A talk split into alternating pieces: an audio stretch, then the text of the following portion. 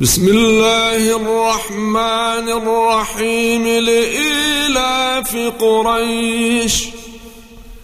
إيلافهم رحلة الشتاء والصيف. فليعبدوا رب هذا البيت الذي أطعمهم. الذي أطعمهم من جوع وآمنهم من خوف.